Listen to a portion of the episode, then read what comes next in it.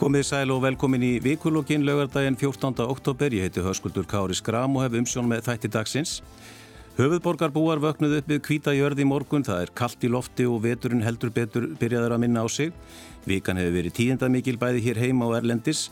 Hófst með þessum skjálfilegum atbörðum í Ísrael og Gaza sem ekki sér fyrir endan á. Hér heima dró heldur betur til tíðinda þegar Bjarni Benditsson tilkynnt um afsökk sína úr ennbætti fjármálaráþara og nú er beðið eftir hvaða áhrif þetta mun hafa á ráþara skipan ríkistjónarinnar. Hinga til að ræða þessi mál eru komið þau Sigmundur Davíð Gunnlaugsson, formar miðflokksins, Þórildur Sunna Ævarsdóttir, formar Þingflokks Pírata og Bryndís Haraldsdóttir, Þingmaður sjálfstæðisflokks. Verið velkomin. Takk fyrir. Áður við byrjum þetta þá ætlum við að skipta aðeins yfir á bladamannafund fórustumanna ríkistjórnarinnar í ettu húsi Íslenskuna við Suðugutur Reykjavík. Fundurinn er nýhafinn og vantarlega verið að tilkynna um breytingar á ráþæra ríkistjórnarinnar. Við skulum skipta yfir á fundin í nokkra mínútur. Tekjuöflun hjá fyrirtækjunum í landinu og sérstakri tekjuöflun meðal annars á fyrstskældisfyrirtæki og ferðarþjónustufyrirtæki. Við höfum líka tekið ákvörðunum að beita aðhaldi í rekstri og draga úr útgjöldum til að tryggja að við séum að styðja við peningastefnu Sælabankans og ég tel að sú ákvörðun sem Seðlabankinn tók á dögunum um að hækka vexti ekki frekar sýni að þessar aðgerðir séu farnar að bera árangur. Við getum átt von á því að verðbólga fari nú niður við. Við sjáum undirliggjandi þætti í verðbólgunni vera að fara niður. En það sem mestu skiptir er líka hvað gerist á næstunni, hvernig við höldum áfram á ríkisfjármálunum og hvernig mun til takast við samningaborðið þegar aðila vinnumarkaðri setjast niður. Og þar leggjum við ofuráherslu á að allt verði gert til að ná farsælum langtímasamningum. Við áttum okkur á því að til þess að þeir samningar spili saman við efnahagsástandið er mikilvægt að við gerum okkar til að greiða fyrir samningum. Við lítum svo á að þó að við séum að draga úr ríkisöldgjöldum til þess að kæla hagkerfið þá er mjög mikilvægt að sá árangur bitni ekki á viðkvæmustu hópunum. Og við þurfum þess vegna að huga sérstaklega því hvernig við getum beitt okkar tilfærslukerfum til að standa vörð um kjör tekjulægstu hópana í samfélaginu samhliða því að við byggjum upp aukið framboð af íbúðarhúsnæði og tryggjum þannig að húsnæðismálin séu í góðum farvegi því þetta er auðvitað eitt af því sem aðila vinnumarkaðarins hafa lagt hvað mesta áherslu á í samtölum okkar við þau á undanförnum vikum. Það eru stór verkefni framöndan og vegna tíðinda þriðjudagsins þá er alveg óhætt að segja við ákváðum að setjast niður, við sem erum búin að vera hérna saman í þessari ríkistjórn í sex ár að verða. Og við fórum yfir stöðuna og fórum yfir hvað við höfum gert og hvaða sýn við höfum til lengri tíma. Og ástæða þess að við búum til þessa fundar er hreinlega að við viljum tala mjög skýrt.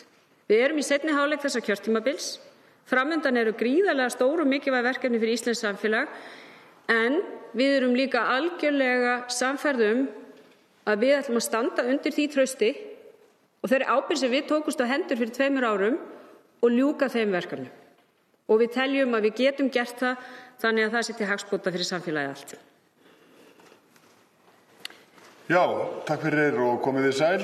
Ég, ég gæti auðvitað flutt sömuræðin á Katrín það kem ykkur kannski ekkert mikið á óvart vegna þess að þessi ríkistjórn hefur verið býsna samhent í sex ár þrátt fyrir við séum sannarlega ólíkir flokkar með ólíkar áherslur að þá höfum við í stjórnarsáttmála ákveðið að fara í verkefni og við höfum staðið býsna samhent í þeim. Við höfum starfað saman í sex ár og náð miklum árangri og á þessum tíma þegar við erum komin miðja vegu inn í, inn í setna kjörtíðanbíl þá er í okkar huga engin ástæða til annars en að klára það kjörtíðanbíl og klára þau verkefni. Við erum búin með cirka 60% af þeim verkefnum sem við vorum með í stjórnarsáttmálanum áskorunin sem við stóðum framir 2017 eftir talsvert mikla pólitíska óvissu var engin í vafa um af hverju væri mikilvægt að þessir þrýr flokkar tækjust höndum saman og mynduðu þennan pólitíska stöðuleika sem sannarlega hefur verið og efnahagslegur uppbygging á sama tíma þrátt fyrir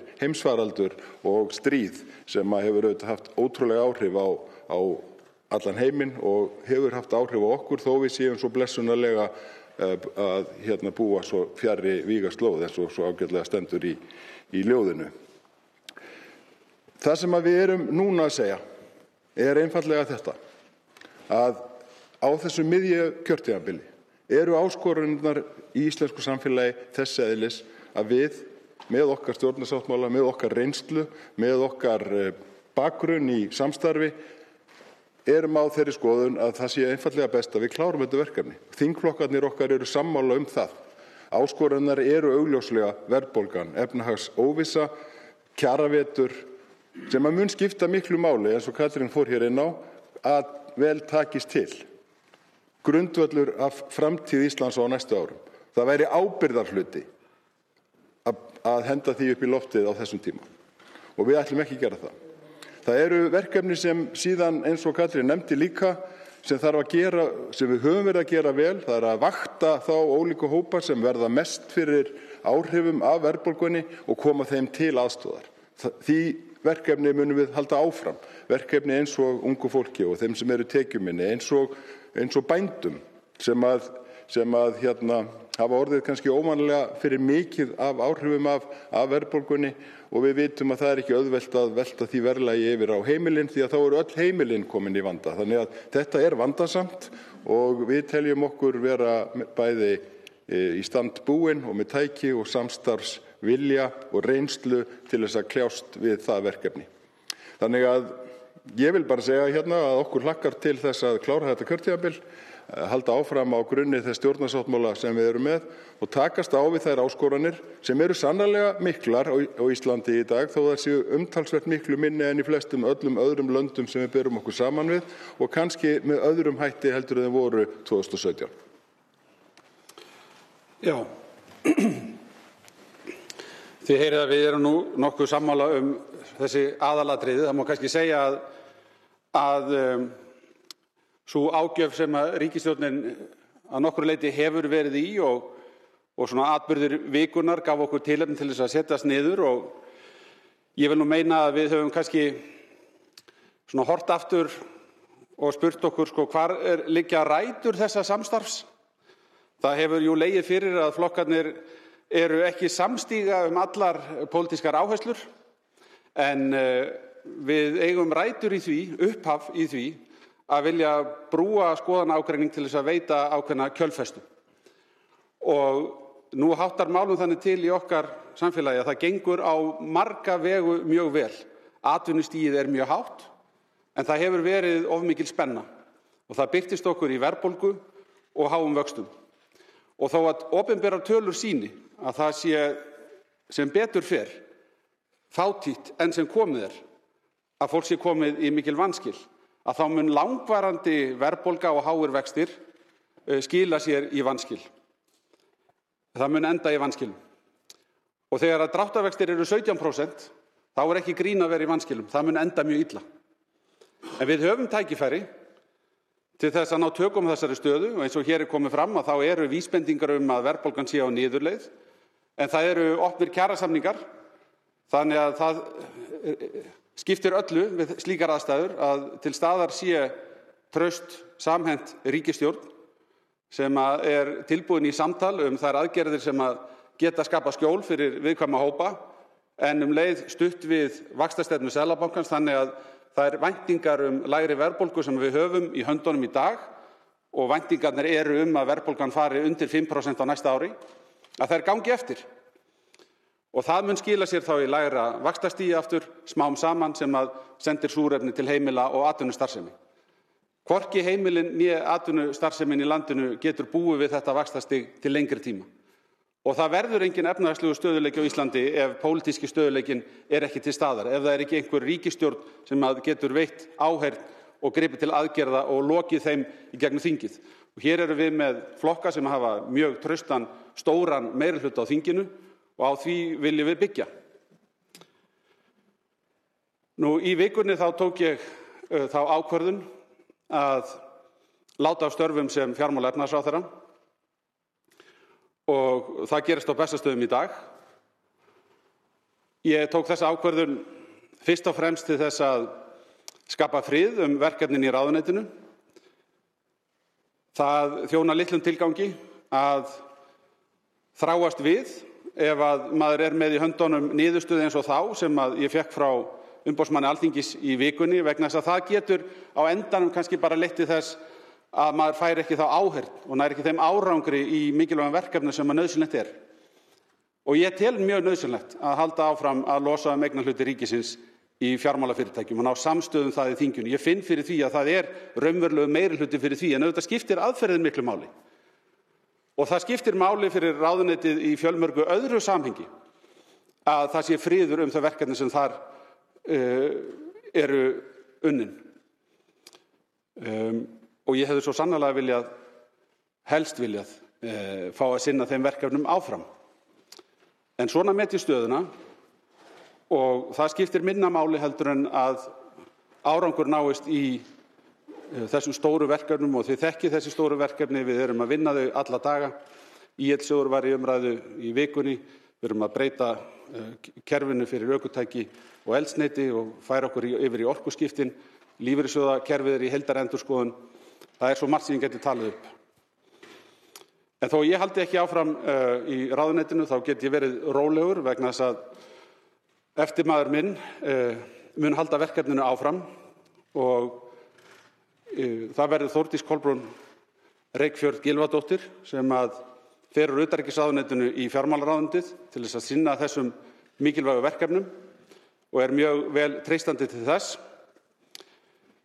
Nú, ég veit að það hafa margir spurt sig uh, hvað ég hegðist fyrir og ég segi það bara alveg nákvæmlega frá hjartanu að ég steg út á bladamannafundi á þriðdægin algjörlega með opin hug um það hvað þetta gerast. Ég hef nota tíman til þess að setja niður, setjast niður með þingfloknum til þess að hlusta á flokksmenn og ég hef átt samtal hér við mína félaga og mín niðurstað er svo að það komi í sjálfu sér ekki annað til greina fyrir formann sjálfstæðisflokksins sem að endi jú til þessa samstarfs, þessa stjórnarsáttmála en að fylgja ríkistjórnarsamstarfinu áfram eftir. Það er því að mínu mati uppskrift af óróa og ákveðnum óstöðuleika sem er anstætt því sem að ég vil að uh, verði næstu mánuðina. Þannig að ég mun halda áfram í ríkistjórninni og færa mig í utarrikiðsáðunitið Þar býða stór verkefni. Það þarf að standa vörðum hagsmunni Íslands á alþjóða vettvangi og ekki síst á það við nú þegar einhverju mestu ófriða tímar eru sem við höfum upplifað. Já, þá liggur þetta fyrir, það tók tíma en við erum þá komin loksist með þessu upplýsingar að uh, Þórdís Kolbrún Reykjörð Gilvardóttir uh, fer í fjármálaráðanetið og Bjarni færi sig yfir í utaríkisráðanetið, stólaskipti, þetta eru þar breytingar sem kannski flestir byggust við en svona kannski byrja á þér Sigmundur, já, hver Hvernig leggjast þessi tíðindi í þig? Ég verða að byrja því að hafa nokkur orðum þennan fund sem við vorum að horfa hérna í sjónarpunum. Þetta var náttúrulega kostulegt. Þarna voruð þau mætt þrjú á palli til að flytja gömlu sönguna sem engi verið að býða eftir en, en gerðu það af alveg einstöku áhuga leysi. Standandi þannig þunga á brún og svo kom hverju eftir öðrum og sagði Já, við, ég hef komist að þeirri niðurstuðu að þessi ríkistjórn verður bara að halda áfram af því það er verðbolga og við erum þeirri einu sem getum gert einhvað í þessu og allir voru að býða eftir því að það eru tilkynnt um einhverja breytingar sem hafa leið í loftunum frá því að fjármálur á þeirra lýsir því yfir hann að ætla að segja af sér og skilur stöðun eftir galopna. Og þá eh, gerðu nú held ég flesti ráð fyrir því að það, hann væri að gera þetta til að geta hrist einhvað upp í, í stjórninni. Og kannski náðaðins betri tökum á, uh, fyrir, fyrir sinnflokk á, á til að mynda VFG því að VFG hefur náttúrulega látið ímislegt yfir sig ganga og Svandi Svaðstóttir kannski ekki hvað síst. Þannig að það verður ekki hægt að skilja þetta öðruvísi en svo að hérna ætlaði hann að sína fordami og aðrir þurfti að fylgja því. En nei, eftir þessa daga sem eru liðinir síðan, þá fær hann ekkert. Sjálfstæðisflokkurinn fær ekkert nema að formaður þeirra víkur úr ennbætti og svo eins og hann einhvern veginn orðaði að, að þetta væri nú allt í læga því eftir maður hans myndi bara fylgja eftir stefninu sem hann hefði verið með. Þannig að það er það er ótrúlegt að horfa upp á þetta og ég er búin að lýsa því yfir nokkrum viðtölum undan fyrir dögum að, að það gæti nú valla gerst að ekkit annað verður úr þessu en að Bjarni og, og, og Þórdís viksli, það var í slík niðurlæging fyrir sjálfstæðisflokksins en nú er hún bara að raungerast. Bryndist þið, þingmenni sjálfstæðisflokksins, þið funduði í valhölli í morgun þar sem þessar breytingar voru vantilega kynntar. Var svona einhugur innan þingflokksins um þessar breytingar? Já, það var það. Þetta var til að formannsins og ég hafði svona fyrirfram uh, gert ráð fyrir þessum. Ég finnst þetta bara eðlilegast og hérna við erum bara á miðju kjörtímabili uh, í stjórnarsamstarfi sem að gengur vel þó að á hérna ímislegt hafi svona sem gengið á svona í samfélaginu en alveg eins og þau fóru þannig yfir eins og sem þetta við kalla þrjúapalli þessi glæsilegu fórustumenni okkar í ríkistjórninni, gerðu það nú bara bísna vel. Og ymmit sko það sem stóra máli snýst kannski ekki endilum hver situr í fjármálaráðunitinu en mér finnst þetta mjög mikið vægt að þar situr sjálfstæðismæður um, að þá eru þetta stóru málinn sem eru framundan eru efnahagsmálinn Þar liggja okkar áskorun og staðista verkefni þessar ríkistjórnar er að ná tökum á verðbólgunum og ná henni niður. Því það er það sem mun skipta öll heimil í landinu máli. Og það er það sem þau voru að fara þarna yfir og ítrekka það að það er stóra málið. E, nú Þórtís Kolbrún e, mun taka við fjármála á efnaðsraðanettinu og, og myndi Davík er hérna grína því að fylgja áfram stefnu Bjarnar Bendissonar. Það vill svo til að það er stefna sjálfstæðisflokksins og það er hluti að stjórnar sáttmálanum hvernig við ætlum að gera þetta og ég treysti Þórtísi Kolbrunu vel til þess. Hvað segir þau? Það slá með í ríkisútgjöldum, er það stefna sjálfstæðilum? Nei, það er það svo sannarlega ekki. En við erum að ná utanum þetta verkefni og þú ser það vel á fjárlagafrömmarpinu að það er eh, klárlega að spila inn í það efnas ástand sem við hér hérna glýmum við.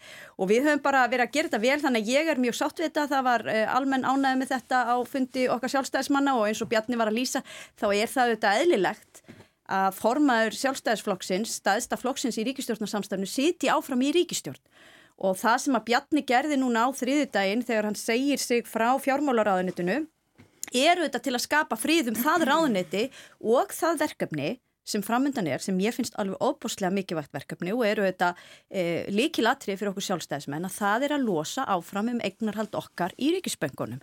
Íslandsbanka í þessu tilfelli að við þurfum að halda áfram að selja þann banka og það hefði verið erfitt í ljósi álits umbósmanns alþingis. En er það aðal málið að selja Íslandsbanka?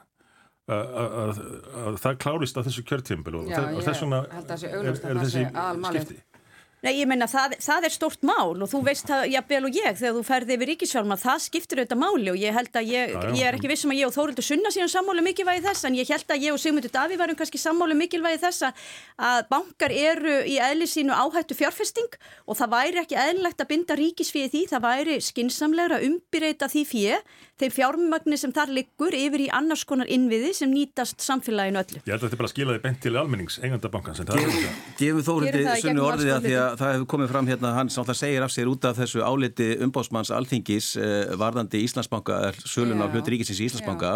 Er Bjarni að axla ábyrg með því að færa sig bara úr einu ráðunni til annað? Nei, ég held að þetta sé nú algjörlega búið að sína það svarta kvítu og það sem hann sagði á þessum fyrsta bladamannafundi að hann væri með þessu að sína að völdum fyldi ábyrg var í raun bara svona ekkur orð og meðan að það sem hann sagði líka og það sem að breyndi sér að staðfesta hér er að aðal ástæðan fyrir því að hann segir af sér er að gulltryggja það að þau geti klárað að selja hennar banka því að annars væri engin friði til þess og það er svo smálverið rétt matjaðum. Þannig að þetta er ekki til þess að taka neina ábyrð en það veit ég ekki hvaða ábyrða er að færa sig um sæti í ríkistjórninni. Ég held að hann ekki eins og eftir að færa sig um sæti á ráþarabæknum í þingsalum með að við hvernig því er allir saman stilt upp. Sko. Þannig að þetta er ekki, ekki stóra, stóra breytingar í því en ég vil líka fá að áreita eitt og það er sko Í öllu þessu hafari, hvert fer bjarni, mér er svona alveg stundum pínu skríti hversu æstir menn hafa verið í kringu það og látið eins og það sé bara sjálfsæðar hlutur að hann hoppi bara yfir í eitthvað annar ráðunetti eins og þetta sé bara eitthvað skiptimarkaður fyrir ríkistjórnina. Ég menna það koma líka fréttir hérna uh, á MBL sem að emitt saði nú rétt frá hvað væri að fara að gerast núna þannig að það má vænta þess að þetta sé frá sömu heimild að ríkistjórnin hafi nú ekki náð saman um frekari breytingar á ríkistjórninni núna en ætli að reyna á það núna um áramótin. Þannig að þau ætla að fara í eitthvað svona stólahopp uh, og svo tala Bjarni á þessum blagamannafundi eins og þessi ríkistjórn sem erkið um ykkur að kjölfestu í íslensku stjórnmálum. Ég minna að kunniði annan. Við erum búin að vera með fimm dómsmálar á þeirra á sex árum í þessari ríkistjórn. Nú eru þeir að flippa hérna uh, fjármálaráðurann og, og dómsmálaráðurann, uh, nei afsakið utaríkismálaráðurann vegna þess að fjármálaráðurann braut af sér í starfi og emitt í öllu þessu fári að þá hefur glemst að rína vel í þetta álit umbúsmanns vegna þess að það er ekki bara það að uh, Bjarnar hafi brosti hæfi í þessari sölu.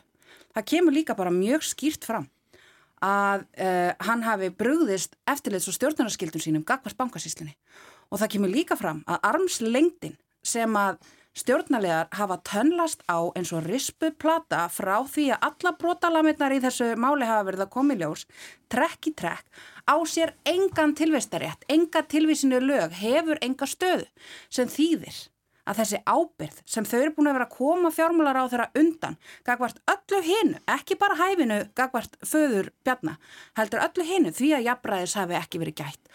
Hvernig var staðið allir þessari sölu?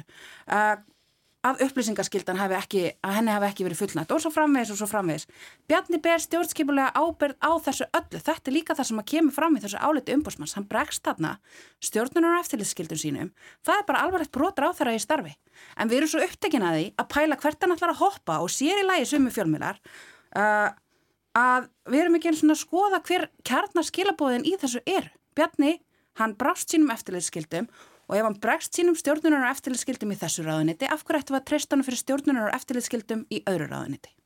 En eh, sko var þetta ekki bara nokkuð sniðut hjá honum að taka þessa ákvörðun eins og Þórildur að benda og það svona þetta, þetta álit umbósmanns kvarf einmitt þegar, þegar Bjarni tilgjind umræðan um þetta álit kvarveila um leið og Bjarni tilgjind um þessa afsug. Er það sniðugt? Nei, ég menna klókt, klókt af honum að fara þessa leið. Hvernig voru maður þess að baki fyrir það? Já, það má kannski segja það hvað þetta varðar að það tókst með því að eigða í rauninu umræðinu um, um þetta álit, það er alveg rétt. En um leið samt veikir þetta stöðu hans og þetta og stöðu sjálfstæðisflokksins í, í þessari ríkistjórn eftir þetta stóra og áhættu sama útspil að gera ráð fyrir því að hann gæti með þessu, með því að búa þannig til einhver fordæmi um að vera að fylgja reglunum og, og taka mark á niðurstöðum og berastofnun og svona þá gæta hann pressað á frekari breytingar í ríkistjórn sem hann náði ekki fram og Vafgi hefur bara uh, sagt nei einu sinni sem oftar er við viljum ekkert að, að láta þig raskast með okkur. Vafgi er endar fengið að ráða og reka tvo uh, dónsmálar á þeirra sjálfstæðisflokksins og ætlið ekkert að, að láta Bjarnar komast upp með það að endur uh, skipa í, í ráðþurastólum uh, núna til þess að til að lappa upp á stjórnarsamstafið. Þannig að afleðingin af þessu verður bara enn harðari tök vinstir í græna á sjálfstæðisflokknum og ríkistjórninni allri. Þannig að öll dellumálinn frá VFG sem að, sem að hafa leiðinni, þau vantanlega færast bara ofar á dasgránu núna. Því að hvað á sjálfstæðisflokkurinn að gera? Hann er búin að mæta hérna og, og reyndar þeir báðir hérna eins og einhverjir skólastrákar sem hefur gert einhvað af sér og eru svo settir upp á sviði fyrir framann skólan og byggjast þar innilega afsökunar og, og vita að þeir eiga að haga sér betur. Súrir á svip. Þannig að aflengin er þessi eh, enn sterkari stjórn eh, Vafge á, á ríkistjórninni og niðurlæðing sjálfstæðisflokksins. Fyrir utan að sko að ríkistjórn sem stendur styrku fótu mætir ekki hérna blagamannafund og talar um um hvað, já hún neyðist nú vist þess að halda áfram já, að vinna já. sama þau séu búin að koma staði að það sé ekki gott að slíta ég meina ef að ríkistjórnarsamstæri stendur förstu fótum, akkur það sérstakann bladamannafundi þess að halda því fram Er það beinlinis orða svona? Þau voru búin að velta þessu fyrir Já, við erum búin að spá þessu Við verðum að græja þessa verðbólgu þannig að allir við hangum ekki á þessu áfram Bryndís, það, það hefur leiði fyrir að það er að sjálfstæðismenn margir hverjir mjög, hafa verið mjög ósátti við ennbættisfærslu Svandísar Svavarsdóttur í, í matvalaraðunitinu, sérstaklega út af þessu kvalveiðimáli. Mm -hmm. e, nú likur fyrir að, að það þarf að endur nýja þessa veiði heimild í lok þessa árs. E, hefur komið fram og, og kom fram krafa frá sjálfstæðismennum um að þið mynduð fá matvalaraðunitið og það, þetta eru er þá mögulega einhverja breytingar sem ættu að gerast núna eða þá í lók þess árs? Nei, það hefur ekki komið slík krafa fram hjá okkur og það hefur ekki verið rætt á vettfangi þingflokksins. Og ég er alveg, mér er bara svo gaman að því hvað sessunauta mínar hafa skemmt sér mikið yfir þessum bladamannafundi og geta lesið skemmtilega hlut úr þessu. E, Mér fannst þetta bara eðlegast í, í, í ljósið þess að ég sagði hérna áðan og Bjarni væri að vikið fjármálaráðunitunni að hann, hérna, hann gerði þá stólaskipti við Þórtísi Kolbrúnu sem er varaformaðið flokksins okkar. En er þá verið að munstra hana upp í, að því það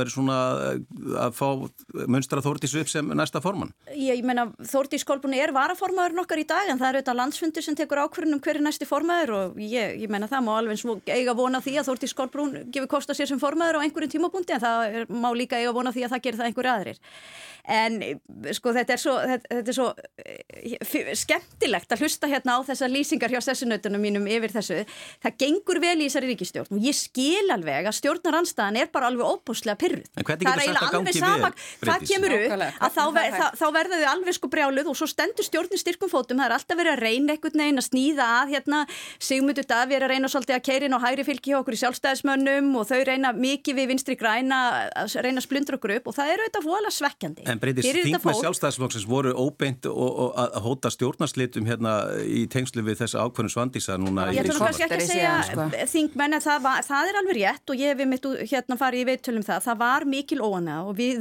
vorum og erum mjög óana með og ósátt við stjórnsýslu Svandísa Svavastóttur varðandi það að banna tímabundið eða fresta kvalviði tímabilinu. Ég Okkur fannst svo einu? stjórnsýsla óæskileg, óeðlileg með öllu.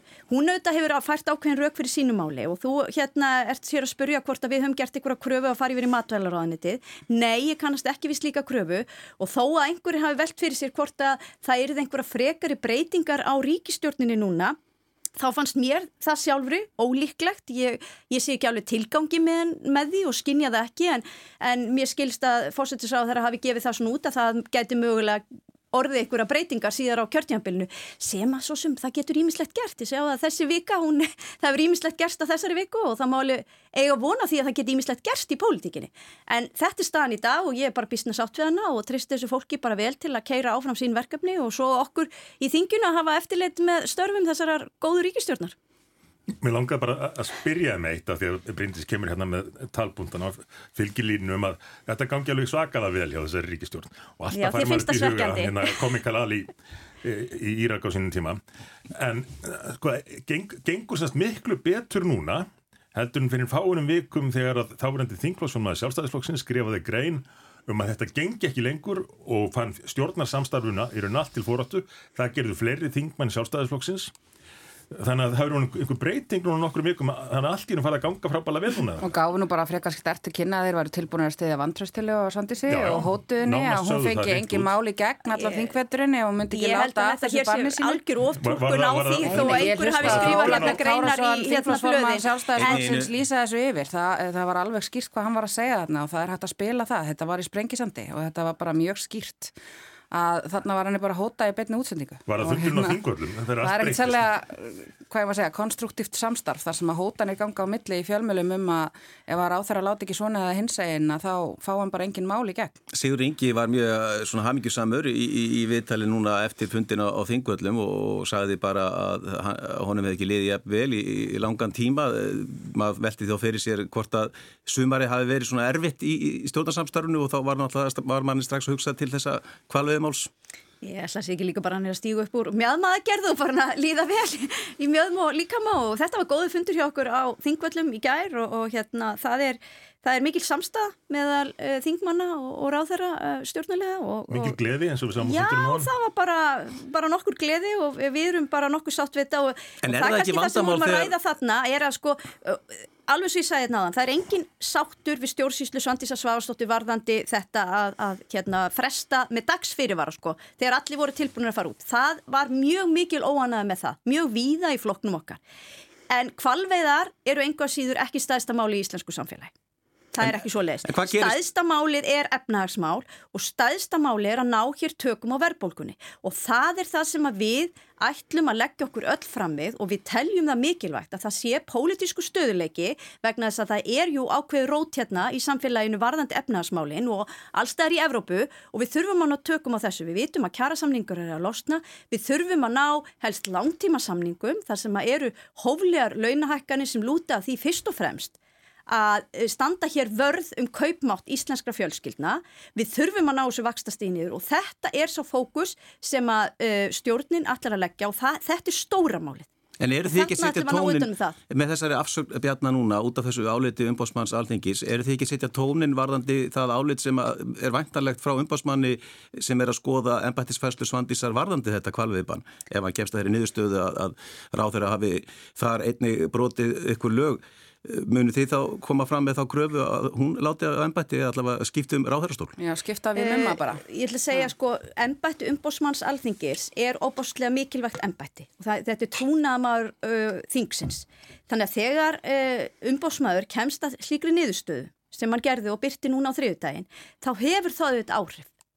Og það að Bjarni ákveð þá að stíga út úr ráðanitun og segja, heyrðu nei, ég get ekki haldið áfram í þessu ráðaniti með þetta álit umbósmanns á bakkinu, er auðvita ákveðin staða og yfirlýsing sem skiptir máli og mun mjög líklega hafa einhver áhrif inn í framtíðina. En ég ætla ekki að sitja hér og segja hér og nú, uh, fyrsta leið þá veit ég ekki hvert álit uppbósmanns verður, varandi embættisverslur Svandísa Svarsdóttur eða hvaða áhrif það mun hérna hafa. Það verður auðvitað að horfa á hvert mál fyrir sig en vissulega er þetta stórt skref sem Bjarni Bendiktsson tók núna í vikunni. Já, hann færði sig úr einu ráðunetti í annar ráðunetti og við erum ennu aftur að líta fram hjá því að það var fleira í þessu heldur en það að hann hafi ekki bara brögðist við að tryggja að hann já, bristi ekki hæfi í þessu, má, í þessu máli, heldur bara uh, Þannig eru leifinningar fyrir okkur um það hvernig við þurfum að breyta lögum stjórnunar og eftirlits heimildir gagvart bankasíslinni og þessi saga sem að stjórnarlegar hafa verið að halda fram alveg frá upphafi þessa máls frá, frá því að öll gaggrinni kom fram á alla þá hluti eins og skíslaríkisandurskoðanar síndi fram á eins og FME síndi fram á og eins og umbósmaður hefur núna líka sínt fram á. Allir þessi misbrestir. Uh, það sem að stjórnin hefur haldið fram allan tíman er að bankasíslan við hendum henn undir rútuna, hún bara einn ábyrða á þessu, hún átt að byrja ábyrða á þessari sölu. Það er armslengd á milli ráþæra á bankasíslunar og þar að leiðandi þurfti ráþæra ekki að gæta hæfi sínu þar að leiðandi er það ekki ráþæra að kenna að það fó nokkur deginn allt úrskeiðis sem úrskeiðis gatt farið við undirbúning og framkvæmt þessara sölu. Uh, og nú er bara búið að sína fram á það svartakvítu með þessu áleiti umbásmanns að það er á hans ábyrð og þessi armslengd er bara bull bull sem þau eru búin að vera að bulla í okkur núna í ár og það væri gott ef þau gengist við því að þau hefði haft rámt fyrir sér með þetta armslengdar bullsitt og dræði það tilbaka og reyndu þá allavega að draga eitthvað svona lærdóm af þessu áliti. Það er ekki að draga eitthvað lærdóm af álitinu og segja ég er ósamála álitinu, ég ætla að færa mig svo við getum haldið áfram að selja bankan og við ætlum ekki einn svona að hlusta á það sem að umbásmaður segir. Þetta er mjög góð punktur sem þetta, það líka náttúrulega fyrir að já, bankasíslan verður lögð niður, bankastjóri Íslandsbanka er hættur, auka annara yfirmanna, e, nú er fjármálar á þeirra hættur allt út af þessari sölu á hlut ríkisins í Íslandsbanka. Mm. Getur þessi ríkistofn hefur hreinlega umbóð til þess að halda áfram með þessa sölu? Nei, ég held ekki, ekki sölu því að það er unni sama hvernig það er skipulagt, það myndi alltaf vekja tortrygni eftir það sem undan er gengið og þess vegna held ég að þessi kjörin leið núna að, að gera það sem við lögum til fyrir bæði sístu kostningar og þar sístu að aðfenda bara almenningi það sem eftir stöndur í bankanum til japs, öllum ríkisborgurum til japs og menn getið svo ákveðuð að hvað er gera með það í, í framtíðinni, selji eða eigi áfram og hafi þá hugsaðlega einhvern arðabankanum þá myndast raunverulegt verð á markaði og allir landsmenn orðnir þáttakendur í, í fjármála kerfinu ef svo má segja. En aðaladrið er það með þessu væri verið að sína fullkomna sangirni því að landsmenn eru eigendur þessa hluta bankans og því ekki bara leiða þeim þá að fara sjálfum með sinn ykna hlut Ég held nú að fyrsta skrifið í þessum malu væri að verða loksins við kröfu, eindreginni kröfu stjórnarhansstæðunar um að setja á fót uh, rannsóknarnemnd alþingis um þetta ferli frá A til Ö vegna þess að við höfum verið að fá upplýsingar um þetta mál í bútasömi og aldrei heilstaðamynd og það hefur verið streyst gegn því að fá almenlega skoðun að þessu máli allt frá upphafi. Og nú er svo komið að til þess að endurheimta tröst þá hlýtur það að vera fyrsta skrefið. Að fara raunverulega að velta í alvörunni við öllum steinum eins og stjórnilega segjast vilja gera en hafa aldrei vilja, gert, hafa aldrei vilja gera. Og kannski þegar það er búið þá getum við farað að ræða hvernig er hægt að finna eitthvað flöta því að, að selja hluti í þessum banka. En eh, á meðan við erum í þeirri stöðu að ráþara sem hann sko, nýtur vantröst 70% þjóðarinnar ætlar að færa sig í annað ennbætti til þess að hann geti raun bara tryggt það að það sem að, það sem að vandrastu byggir á að það fái að halda áfram óareitt fyrir hans personu. Ég minna hann er helst að gera þeim greiða sem vilja fá hluti í þessum banka. Það er nú fyrir þá sem hann er að vinna með þessari tilfæslu sinni. Hann er að passa að sín persona sé ekki fyrir í sölunni. Þannig að það sé hægt að kaupa hluti í þessum banka en þetta er náttúrulega endimis vitnis er ekki svolítið skrítið hjá okkur að nota þessi rauk fyrir því að ríkistofnin verði bara hanga saman hvort sem maður munum líka betur að verð að það þurfa að klára sölun á Íslandsbanka? E, e, e, en það voru það ekki raukin sem að formennir heldur hérna fram áðan sko. Nei, en þú og þú og fleiri hafi nú komið með, með þetta og Bjarni sjálfur, þannig kynnti þetta að það væri svo mikilvægt að þessi sala kláraðist eh, sko rökin fyrir því að þessi ríkistjórn heldur áfram eru þetta vegna þess að hún fekti þess umboð í síðustu kostningum. Þetta var það sem landsmenn vildu að þessi ríkistjórn myndi halda áfram. Við tókum á okkur verkefni og við hyggjumst klára það verkefni. Við erum með sterkan þingmeri hluta og verkefnin eru ærin og við erum svo sannarlega að sinna þeim. En sko fyrir ekki þessi sko hérna lýsingar hérna þórildarsunnu á því sem átti sér stað. Sko fyrsta lagi sko ríkisendurskoðun segir til dæmis í sinni skýslu að það hafi ekki verið neyn ástæða fyrir bjarna til að velta fyrir sér hæfið sínu. Þannig að það, það er nú niðurstaða ríkisendur sko hannar. Eh, þegar það talaðum að hér hafi ekki átt að vera neina armslengt, til hvers voru við með einhvað sem hétt bankasíslan sem átti að halda utan um eignar hlutan, nefnir að klára þáttu svona Ríkisendurskon segir í skýslu sem það hefði ekki, ekki talið ástæðu til þess að velta fyrir sér hæfi Bjarnar Bendilssona þannig að sko niðurstað umbósmanns alþingi snýr fyrst og fremst að því að hann hafi skort hæfi sem er í andstöðu við það sem önnur lögfræði álit hafa fjallað um. Og við skulum líka muna það hvernig ferli er því það er allir svo fljóttir að gleima að við fáum þetta með þessi inn í þingið. Það er skrifa lögum það hvernig þetta selja þessa eignarhluta. Það koma inn hér sagt, skýslur frá bankasýstunum það hvernig þeir hyggjast selja bankan. E, það kemur e, greinagerð frá hérna, fjármálaráðunötu líka, þetta fer inn í efnas- og viðskiptarnemnd og þetta er fer inn í fjárlæðanemnd. Við köllum til gesti og fjöllum um þetta, hvernig á að selja bankan. Þetta er ymmið til þess að vera ekki að, að ráð þeirra einn sem er puttan í því hvernig á að gera þetta. Við erum með fagstofnun sem er að sjá um þetta og það sem að ríkisendurskóðin kemst að, sem að mér finnst ofbáðslega miður, er það að á endanum endanum í sölunni þá voru brestir. Stóra samingi hlutana er, hlutana er svo að við okkur hefur tekist að færa þarna stóra hluta af ríkisbankanum, ekki allan, við hefum ennþá eftir um 40%, umbreyta þeirri eign yfir í rúma 100 miljardar sem hafa skilað sér í ríkisjóð. Við erum yfir 24.000 hlutafa í þessum banka þannig að við erum með fjölbreytt eignarhald og við hefum ennþá eftir þessa eign. Þannig að stóra myndin er góð en vissulega þá voru brestir og fjármála eftirlitir enn að skoða þá sem stóðu fyrir sölunni og Það, er, þetta er í raun að sína okkur það, það regluverk sem við byggðum upp, það hefur virkað. En það miða við allt sem fór úrskeiðis og líkur fyrir að hafa farið úrskeiðis, eh, það er mikil tortryggni ríkjandi hér á landi, sérstaklega í ljósi bankarhunsins og, og þeirra engavæðingar sem fór mm -hmm. fram við upp af þessar aldar. Já. Eh, hvernig staðið er að þessu? Eh, sko, hafið þið einfallega umboð og tröst almennings í landinu til þess að, halda áfram með söluna á hluti ríkisins í Íslandsbaka? Já, ég tel svo vera, en það er alveg rétt sem hún segir og, og þetta særði mig mjög hafandi setið í fjárlaga nefnd og farið í gegnum allt þetta ferli Eh, setja í efnas- og viðskiptanemnd á síðasta kjörtímabili þar sem hefum gert fjölmarkar breytingar á bankakerfinu og laga umgjörðinni þar að leiðandi. Við erum með alltaf sama regluverk og Evrópussambandi og meiri sér með ítarlegri kröfu á bankan okkar. Ég taldi að við værum að gera þetta eins vel og kostur væri. Og ég held að mörgu leiti, ef við erum sangjötn og förum yfir ferlið, þá tókst margt mjög vel. En það er alveg rétt að það fór eitthvað úrskeiðis og það fór úrskeiðis e, í sölunni sjálfri og það er ömurlegt að hugsa til þess að það kastar rýrð á annars þetta mikilvæga og góða ferli og það er nákvæmlega vegna þess að við fórum í þetta, gegnum þetta bankarhund. Við megum ekki við því að fólk hafi ekki trú og tröst á ferlinu og það er meðal annars þess vegna sem að Bjarni Benditsson steig til hliðar úr fjármálaráðunitin í vikunni því það má ekki vera vantraust í garð þess mikilvæga verkefni að selja Íslandsbanka. En að því sögðu þá ætlum ég líka að minna á það hérna bladmannafundi sem var hérna áðan og oddvita ríkistjórnar vorum þetta að fara yfir hverju stórumálinn eru efnaðasmálinn.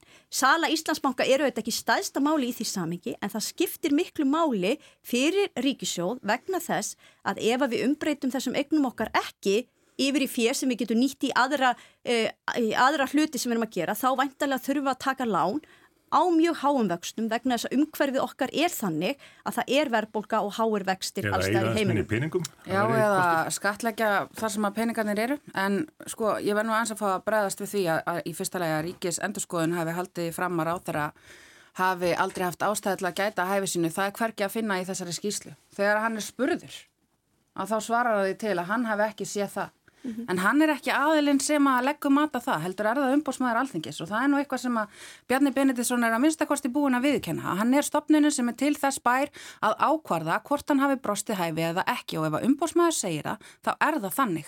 Það er að minnstakosti það sem að sjálfstæðisflokkurinn er að segja okkur að þeir séu að gangast við á sama tíma og þeir við fengja niðurstöðuna og vísa í einhver óljós lögfræði álit sem er hvað logos, uh, lögfræði áliti sem að bankasýslan létt gera fyrir sig af logos sem er lögfræðingu bankasýslunar.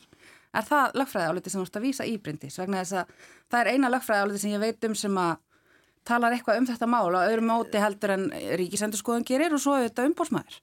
Nei, ég meina það, það er bara hvernig ferli var og við, það var nú margir lög, lögfræðinga líka í fjárlega nefndinu og efnaðs og viðskiptanemnd. Það var engum á þín tímapunkti að detta í hug að Bjarni Benediktsson hefði átt að fara yfir alla þá sem kifti í bankan, hvorki í fyrrin í setna útbóðinu. Sko, það, það. Það er bara í lögunum að, það, að, hérna, að sko, það sé annað ferli sem gildi um fyrraferðli heldur en setnaferðli vegna þess að fyrraferðli var útbóða markaði og almennt útbóða meðan að setnaferðli var tilbóðsfyrirkomulag mm -hmm. og það er bara mjög skýrt í greinagerðinni með frumvarpinu um sölu meðferð og eignar hlutum ríkisins í fjármálafyrirtækjum að það sé mitt öðruvísi fara með hlutverk ráð þeirra og hann eigi að hafa afskipti af einstakar tilbóðum þegar kemur að tilbóðsfyrirkomulag og ég minna það sem að umbóðsmaður leggur í raun ekki mat á í sínu uh, áliti er hvort að ráð þeirra hefði átt að gera það eða ekki. Hann kennst að þeirri neðustöðar ráð þeirra hafi tekið þátt í undirbúningi ákvörunar Og það sem er líka aðtiklisvest í þessu sem hefur ekki fengið neina aðtikli út af því að við erum búin að vera svo upptökin að því að pæla hvert hann Bjarni fari nú næst er að uh, umbúrsmæður telur það ekki vera sitt hlutverka ákveða hverjar yngaréttalegar afleiðingar af þessu gæti orðið.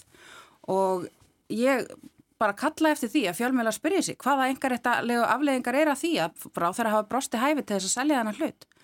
Uh, væri ekki ágætt að fá greining á því hvað það geti verið vegna þess að uh, það er eina spurningur sem stendur ósvara og lík... það er ennþá fullt af hlutin sem aftur að svara um þessa sölu. Og þess vegna er ótrúlegt að það sé ennverðið að standi vegi fyrir því að við fáum rannsóknunemnd og að fórsetisráður að neiti að setja fót rannsóknunemnd. En það líka fyrir, fyrir eftir þennan funda að þau ætla að halda áfram, þessi ríkistjón heldur áfram, eh, stjórnaflokkarnir hafa ekki verið að koma sérstaklega vel út úr skoðanakönnun sem hafa verið að byrtast, uh, miðflokkurinn er í, í mikill uppsiglingu, auðganara stjórnaranstöðu flokka sem heldur að ríkistjónin svona lafi út kjörtjöfabilið. Já, núna þegar að uh, sjálfstæðisflokkurinn er bara búin að gefast upp að því veriðist, þá getur við að stjórnin lafi ekki alveg fram að, að tilsettum kjördegi held ég. Ég held að einhverjum munið þó endanum vilja verða fyrstu til að segja heyrðu, þetta gengur ekki lengur, við ætlum að taka hérna prinsipafstöðu e, og, og þá slitn upp, úr hjá stjórninni. En þetta framlengir lífennar einhvað en til hvers? Til hvers? Því að það var haldinn þessi frægi fundur að þessi skemmtifærið á, á þingvelli og allt í læg með það, ég set ekkit út á að stjórnmæliðar fari saman í, í haustverð og, og skemmti sér. En því var þó haldið fram að þetta ætti að vera fundur sem skipt einhverju máli. Og þegar að fjölmjölar spurðu hvað verður rætt að það ætlum ekki að skipa hann í ríkistól en við ætlum að ræða verðbólguna og leysa það mál og við ætlum að ræða útlendingamálin þessi stóru uh, ólistu mál. Hvað kom svo á daginn? Uh, fósittisláþra saði gerðkvöldi, útlendingamálum voru ekkert rétt 0 og hvað var með verðbólguna já við heyrðum það nú hérna á fundunum áðan. Þau segjast að það var ágjur af henni og það þurfi að leysa þetta en e, ekkert plan, engin hugmynd um hvað þau ætla að gera. Þannig að það kemur ekkert út úr þessu annað en enn meiri óstöðuleiki óstöðuleika stjórnarnar Hún, já, skröldir áfram hver, hver ráð þeirra að gera sitt, einn ráð þeirra til dæmis Guðmundur Ingi að reyna að skemma fyrir því sem að annar ráð þeirra, til dæmis Guðrun Hafstæðinsdóttir er nýbúin að gera og svona munum þetta velkast áfram því að menn komast aldrei á þann punkt virðist vera að segja hingað og ekki lengra. Jafnvel eftir þetta síðasta útspil Bjarnar Benditsson sem að treyðunum ekkert annað en veikar í stöðu fyrir sjálfstæðisflokkin í, í stjórnarsumsturinu. En fyrir ykkur sem voru að koma að viðtækjanum þá sitjaði hérna Sigmundur Davíð Gunnljósson formaðar miðflokksins, Þóruldur Sunna Ævarsdóttir Þingmaða Pírata og Bryndís Haraldsdóttir Þingmaða Sjálfstæðisflokks. Eh, við langar að fara til útlanda, voru stórtíðindi þar um síðustu helgi þegar Hamasliðar gerðu umfangsmiklar hriðiverka árásir á Ísrael þar sem bæði hermenn og úbreytti borgara fjallu, þar á meðal börn og ungmenni.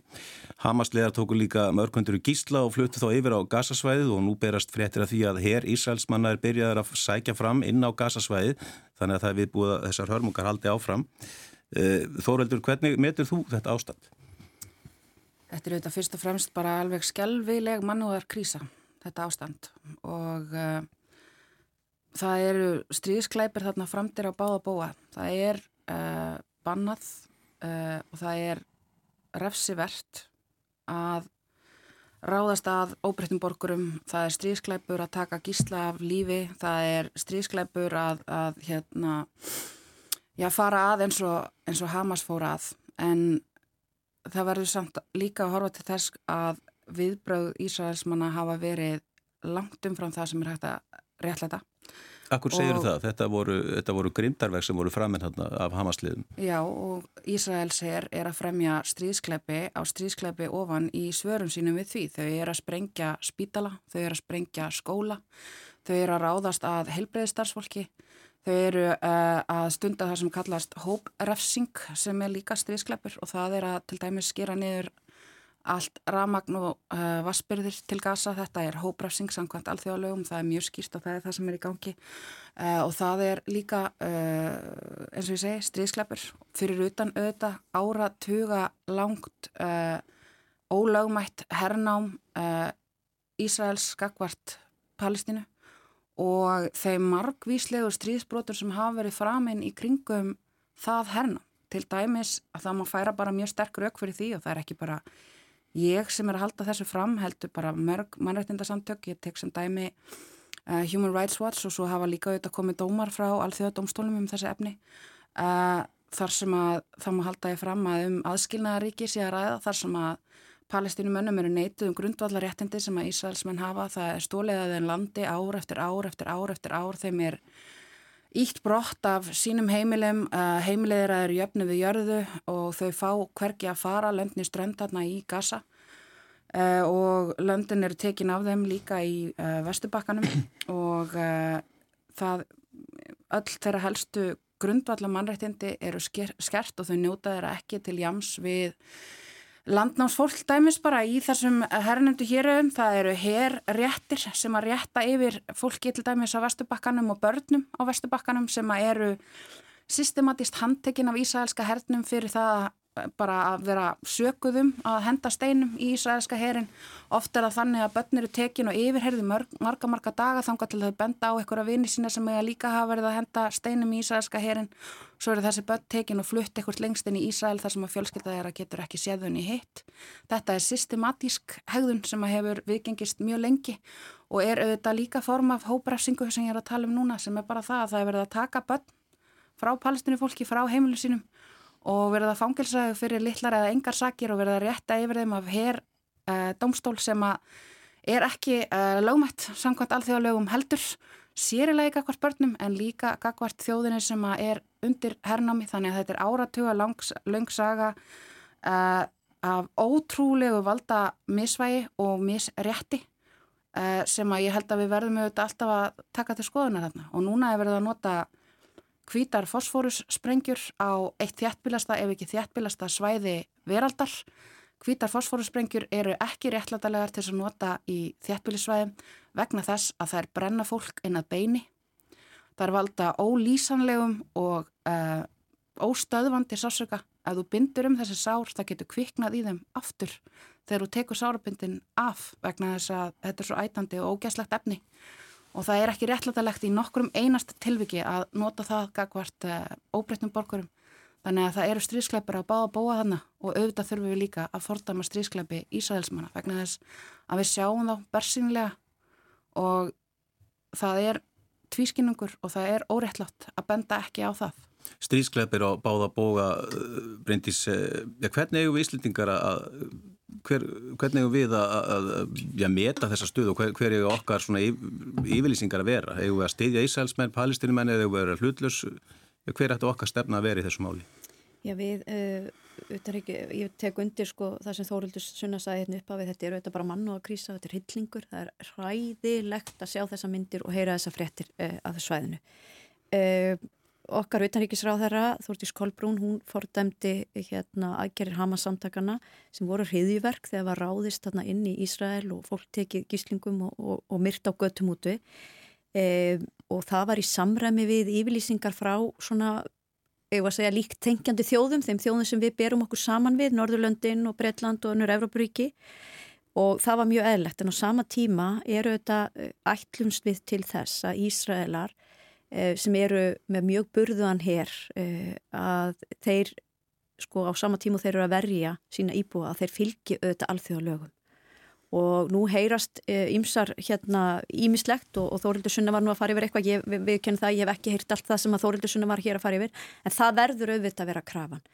En sko staðan er einhvern veginn með þeim hætti að e, maður óttast mjög hvað er að gerast bæða á þessu svæðu og þetta fyrir þetta auðmingjast fólk sem þarna býr nú eru Ísæl menn búin að byggja fólk um að yfirgefa, nú hefur við ekki heyrt nýjustu fréttir í morgun en, en að yfirgefa svæði vegna þess að þeir telja Hamas vera þarna í félum og, og ætli að ráðast gegn þeim og hafa verið með mjög aggressífa rýsingar á því hvernig þeir ætla að gera út um Hamas. Eh, og ég, maður getur skilið það þegar maður horfið svo viðbjóðun sem Hamas samtökin eh, gerði þarna á í Ísrael núna um síðustu helgi.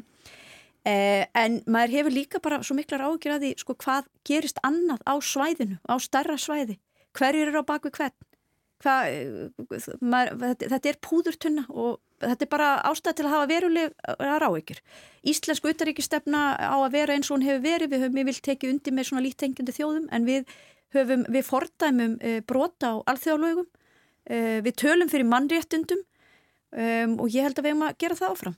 Þetta hefur nú komið mjög skýrt fram hjá samniðu þjóðunum, árásir á skóla, árásir á spítala að, og auðvitað líka hafa yfirvöld í Ísrael gefið það út að ástæðan fyrir því að þeir uh, skrúa fyrir vatni í Gaza sé að refsa fólki á Gaza fyrir þessar árasir og það í sjálfu sér er strísklæpurinn sem ég var að tala um, hóprefsing sem er ekki leifileg uh, og það að láta helmingin af fólkinu á Gaza flýja heimili sín til þess að uh, ná hamasliðum, ég tel það ekki réttlætanlegt vegna þess að þetta er mjög lítið svæði, þetta eru 11 sinum 40 kilometra svæði. Þetta er pínu, pínu, pínu lítið og þetta er 1,1 miljón sem á að færa sig yfir til hinna, hinna miljónarinnar í Gaza. Þetta er rosalegt. Sigmundur, er, er svona eigað óttast að þessi átökunni að breyðast út til annara landa þarna í miðausturlundum? Já, full ástað til að vágjöra því að þetta geti orðið til þess að gera erfiðastöðu í miðausturlundum en erfiðar og átökin geti breyðast út og hlutverk Vesturlanda í því þá vantanlega reynað að hindra það og, og bandaríkja menninir að gera það með sínum hætti, með sínum herskipum og reyna sína styrk en, en það sem að þurfum líka hafa ágjur á fyrst mér eftir þetta er að þetta, ástandi breyðist út á, á Vesturlandum og, og mér fannst svolítið eða bara mjög óhugnulegt að sjá hópa fólks þarna fyrsta degin með þetta hriðverkin fara út á götu til að fagna hriðiverkum. Og nú er náttúrulega Hamas ekki það sama og palestínumenn. En þarna fór fólk meðanlas í Reykjavík. Ég sá reyndar hverki fréttur um það, en þar kerið bílalest með, með palestinska fána á lögutaskvöldið eftir hriðiverkin og þeitti flautur og fagnaði hriðiverkum. Og þetta er mikið áhugjefni fyrir Vesturlönd ef að stórir hópar fólks þar eru farnir að líta svo á að hriðjuverk sé ekki aðeins réttlætanleg heldur fagnadarefni.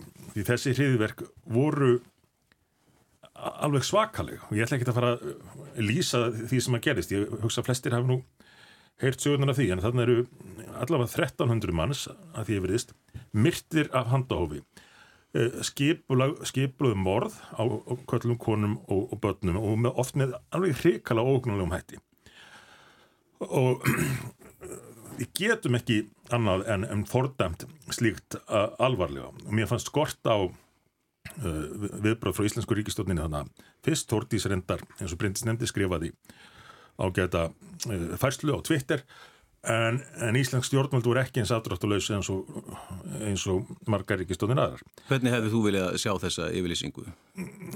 Bara fullkomna fordæmingu á þessum hriðverkum og Hamas samtökunum sem eru samtök hriðiverkamanna sem að hafa því miður allt og mikil völd, allt og mikil áhrif og beita fyrir sig uh, óbreyttum borgurum, saglausu fólki, nota það sem skildi og það er þó munurinn á Ísraelsir og ég tek fram að það er, hefur oft verið tilmynd til að gaggrina Ísraelsk stjórnvöld og ég, ég tel að það sé mjög mikilvægt að, að Vesturland gaggrinni Ísraelsk stjórnvöld þegar það, það, það á við og og fylgist vel með gangi mála núna. En, en, en það, það er allavega sá grundallamunur að, að Ísælski herin reynir að verja sína borgara og reynir að forðast mannfall óbreyttra borgara á meðan að Hamas miður beinlis að því að trepa óbreytta borgara og nota þá svo sitt fólk til að sem skjöld með því að skjóta eldflögum úr skólum og, og svo framvegs.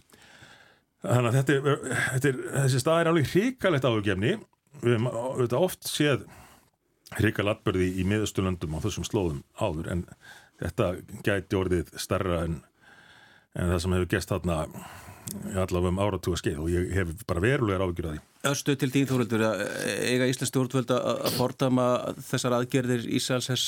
Já, þó fyrir hefur verið. Nú sjáum við það líka á flóta þessar fólk sem að þau hafa sagt að flýja að það regnir nú samt sprengjum þrátt fyrir lofórið Ísælsmanna um að þetta væru öruga leiði fyrir þau til þess að komast. Þannig að ég dreif nú í Eva staðhefingar þetta Davís um að þau reyna að forðast mannfall óbreyttar borgara. Uh, það er nú bara mörg, mörg dæmi um að Ísraelsmenn uh, einmitt targeta óbreyttar borgara og þau targeta einmitt sjúkrahús og skóla og annað sem að þau hafa enga rétt á að targeta Við erum því miður búið með tíman og, og erfitt að kannski að fara úr svona alvarlegu umræðefni yfir í kannski ölliti léttara En, en, en álgjör það, við samanumst öllum að við viljum bara fyrst og fremst frið held ég. Já, já, það er held að sé allir samanláðu það. við, og kannski, Og líka, sko, hættan sem þetta er að skapa annar staðar í heiminum, nú er engin að fjallum hver að gerast í Ukrænu Þetta er skjól fyrir Rúsla til að halda áfram stríðshernaðinu sínum í Ukrænu þegar uh, sjónir okkar beinast eitthvað annað. Er svona östut, uh, Bryndís, hvað er framöndan hjá þér núna um helgina? Ertu að fara á bestastæði að fylgjast með ríkisásfundinum? Nei, nei, ég held að ég láti það nú bara eftir en, en ég var um þetta að rifja upp, ég er að fara tónleika í hörpu í, í kvöld með tónmóbíl, veistlu, þannig að ég er bara spennt sko. Sigmundur?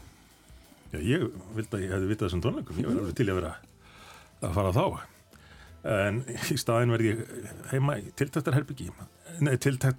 helgi Mér vantar einhvern veginn að taka til hjá mér þannig að þú kannski kemur svo bara hinga Já, og, og þá býðir mér að tónleika næst í staðin Þóreldur Ég fer kannski maður til vinkonu minnar eða eða bara kvöldinu með fjölskeldinni Sigmundur, Þóreldur og Bryndís takk hjá það fyrir komuna í vikulógin þátturum verður á sínum staða vikuliðinni. Við þakkum fyrir okkur, verið sæl. Takk, takk.